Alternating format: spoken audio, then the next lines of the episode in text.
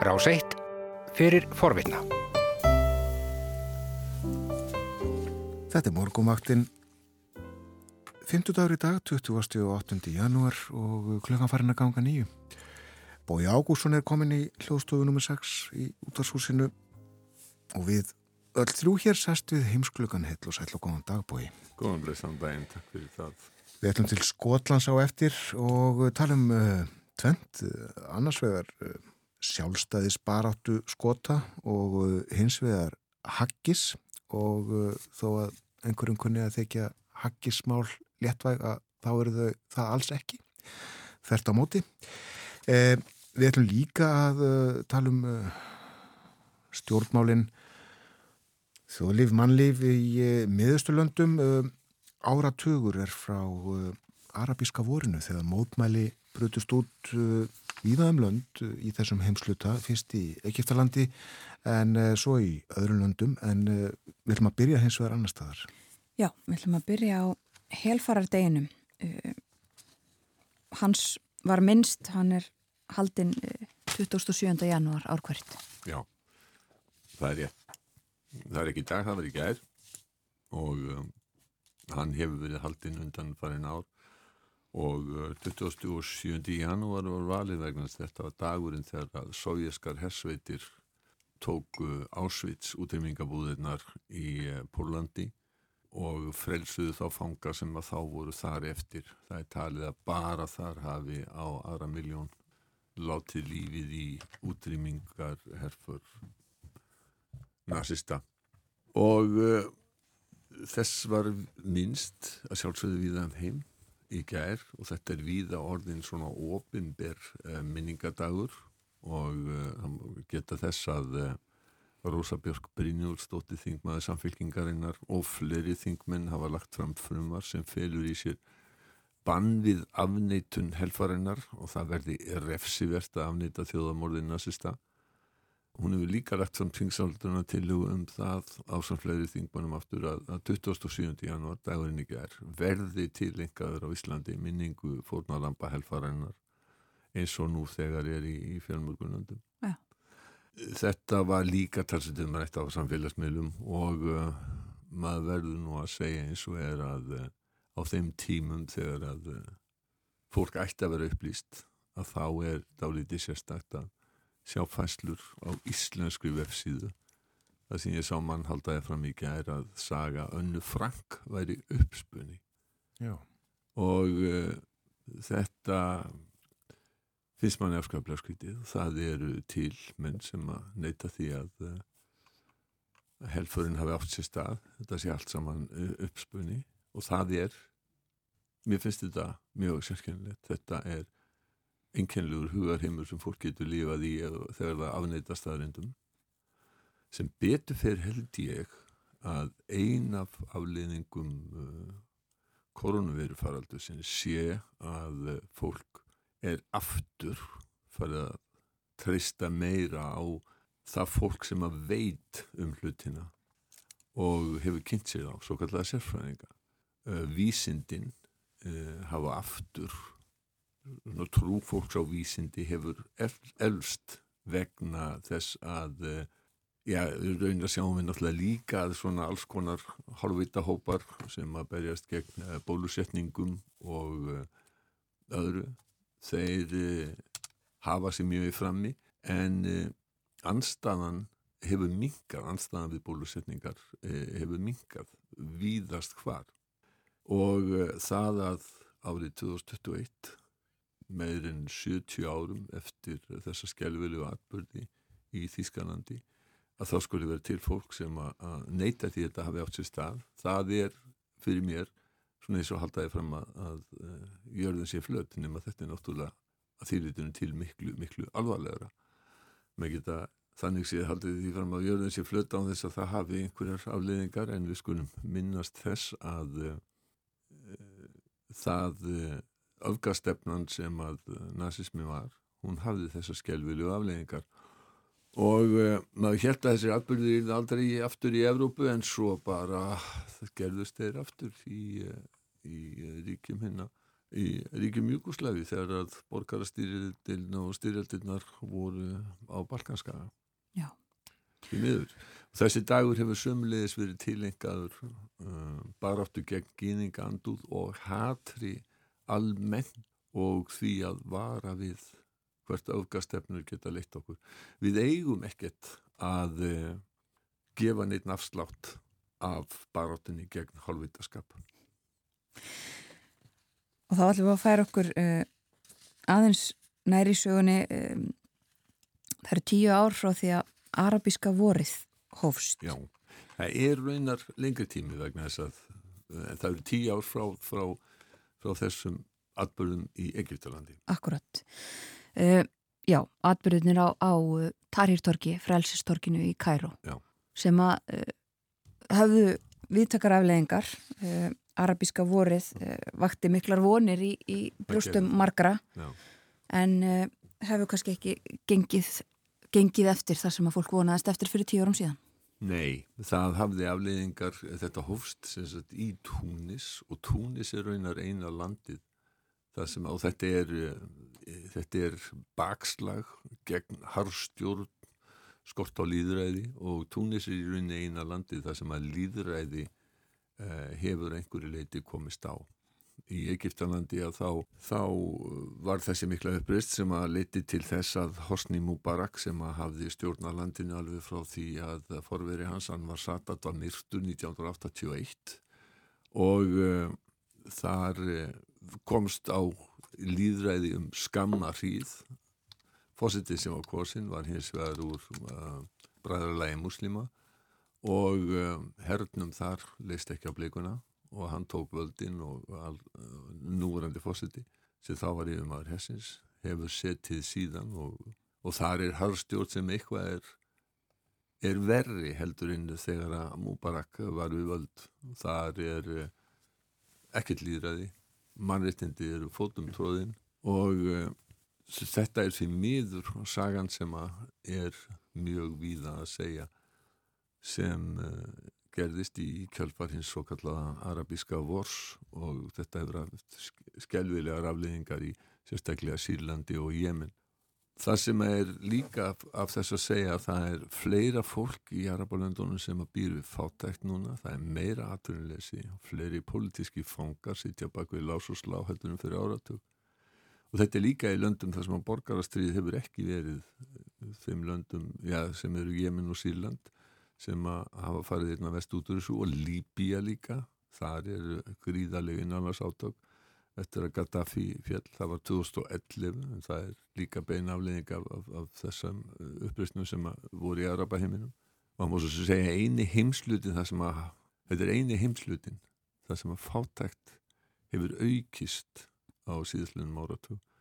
Að teljast mun fleiri fátæki núna í Arabaheiminum heldur en var og hlutfall fátækara meðal þjóða í heimslutanum hefur einnig aukist.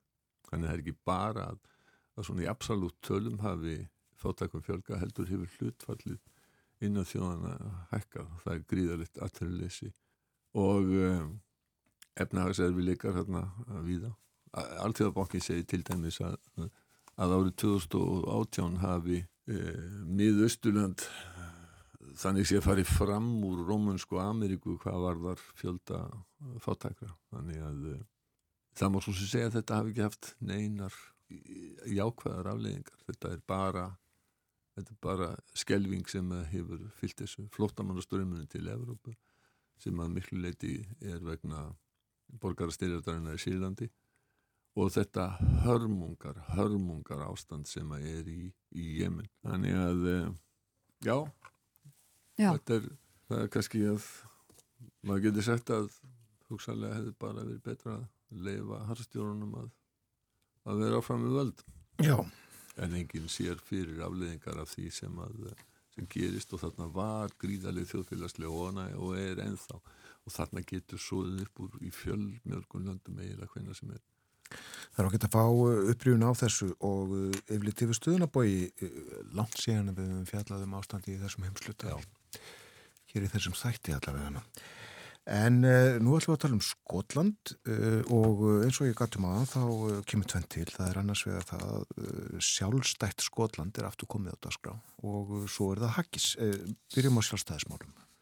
Já, það er sjálfstæði Skotlands. Ef Skotland verður sjálfstætt þá þýðir það að, að stóra Breitland, United Kingdom samin af konungdæmi, það leysist upp. Og það eru mjög margir breytar sem hafa verulegar áhyggjur af því. Þeir tælja að breyta síðu og er, það er náttúrulega mjög ljóst að saminnaðar eru þið miklu öflugra ríki heldur en að ef að uh, ríkið leysist upp í frumyndi sínar. Og Gordon Brown fyrirverandi fyrirverandi fórsættisráðara Hann uh, lísti yfir áhyggjum af þessu í viðtali við BBC, ég held að hafa verið það á mándagin. Boris Johnson has not quite understood how deep uh, the resentment is, how the lack of trust is causing him a problem about his acceptability in different parts of the country.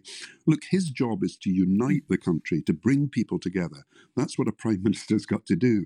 And he shouldn't be in a battle between uh, the centre and the different regions and nations. And he should be trying to bring people together. Svo þarna var uh, Brán að segja að, að Boris Johnson hann skildi ekki alveg hversu djúbstætt vandamálið er hann og stjórnans, hún nýtur ekki ströst og það veldur miklu vandamálum viðan um Breitland.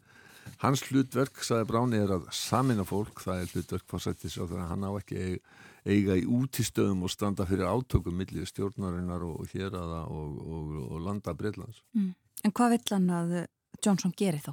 Gordon Brown vil að uh, það verði gerð ítaleg úttækt á stöðurlandsluta, stærri borga og Skotlands, Norður Ílands og Vils, skakvart stjórninu í Vestminster, að það verði dreyið úr þessu gríðarlega miðstjórnarvaldi sem uh, hefur einkent Breitland uh, mjög lengi.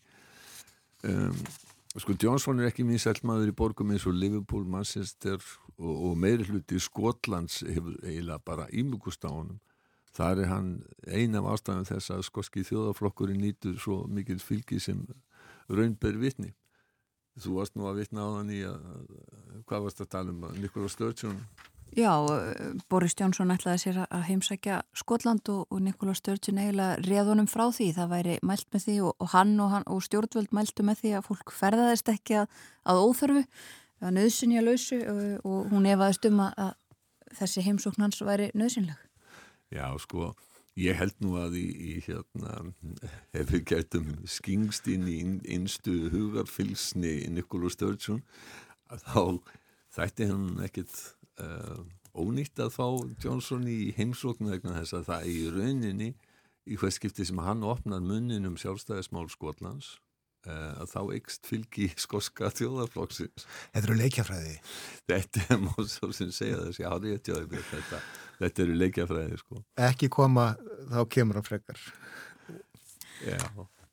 Sko, grundvöldurinn náttúrulega í því að nú er verið að ræða þetta svona mikið er eh, Brexit. Já. Skotar vildu þetta vera áfram inn í Európa-samband. Já, já, það var yfir 60% skota það var algjörlega ótvírætt að, að skotar, skotar vildi þá margir þeirra sem að kusu síðan með Brexit í Skotlandi hafa líst yfir að, að þeir sjá eftir því. Það er til dæmis meðal sjómanna og útværsmanna sem að heldu að þeir fengju yfir og yfir fiskimiðum um Breitland þeir eru meðal þeirra sem hafa lent mjög illa í Brexit og, og það eru sérstaklega minni fyrirtæki sem að, að hafa tilvist sína af, af útflutningi til Evrópusambandsins sem að hafa lent ítla í Brexit og, og uh, það var uh, frett á Bloomberg frettavitin í gærum það að uh, þessi vandræði e, við úrflutning þau myndu draga um rúmlega 1% úr þjóðarframlislu breyta á þessu ári. Og þetta er í ónalag við þau, við þau hérna, þann samdrátt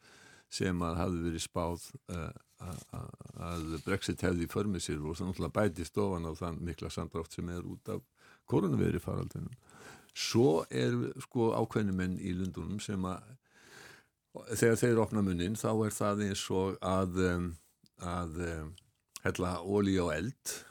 Eitt þeirra er eh, Jacob Rees-Mogg sem tjáði sig um, um, um, um hérna, fisk í, í breska þinginu. Það sem hann sagði að fiskurinn er náttúrulega óvalega ánað með það að vera orðin breskur, heyrum í hann. But what is happening is, that the government is tackling this issue, is dealing with it as quickly as possible, and the key is we've got our fish back. They're now British fish, and they're better and happier fish for it.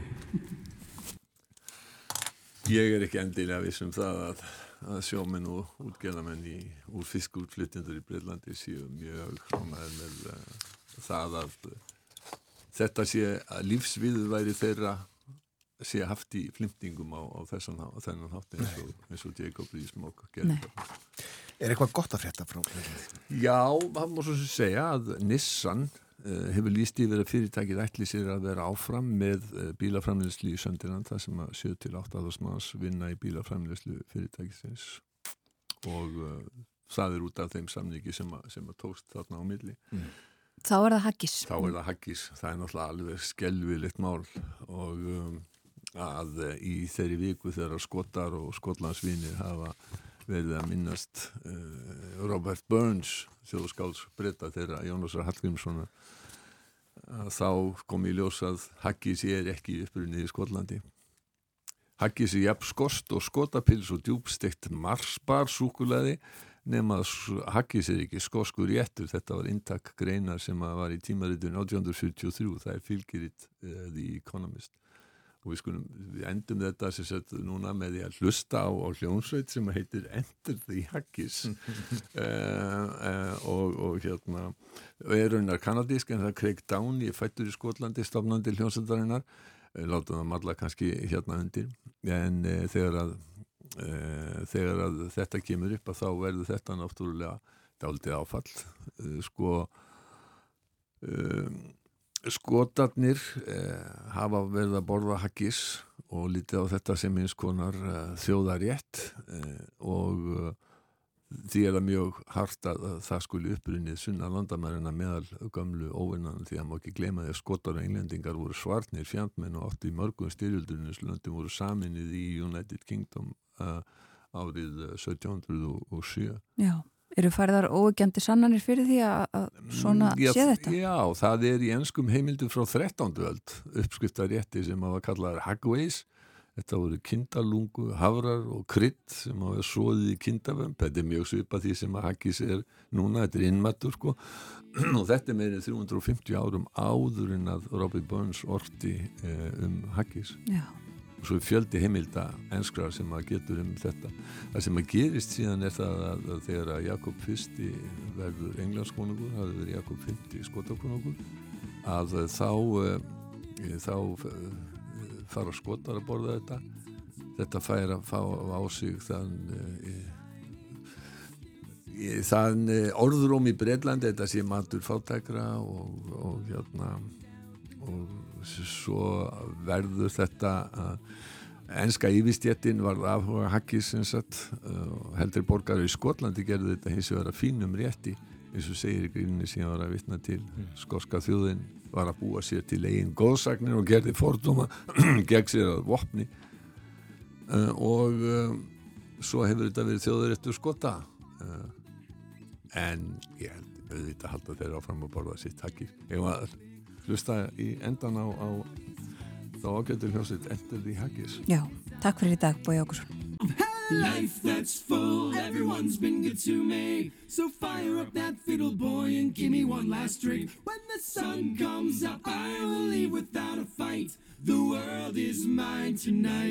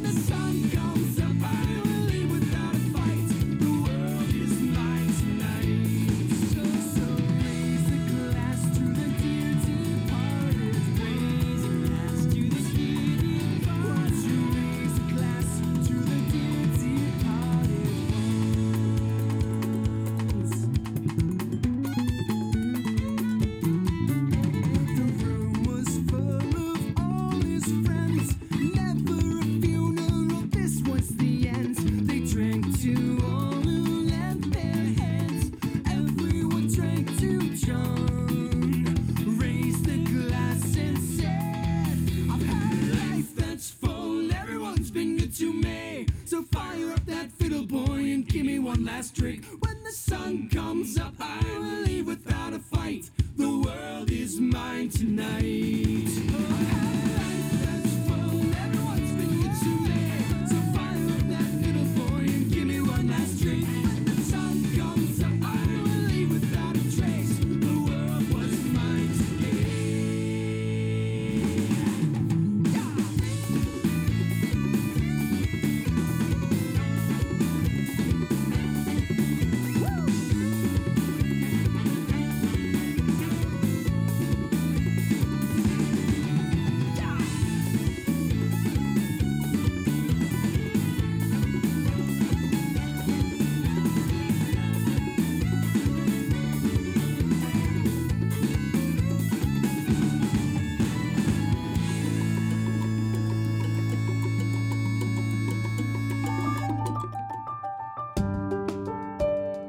Varst að hlusta á hlaðvarpsþátt frá Rás 1. Ef þið langar til að heyra meira, farðu þá á rúf.is skástrygg hlaðvarp eða spilaran á rúf.is skástrygg útvarp.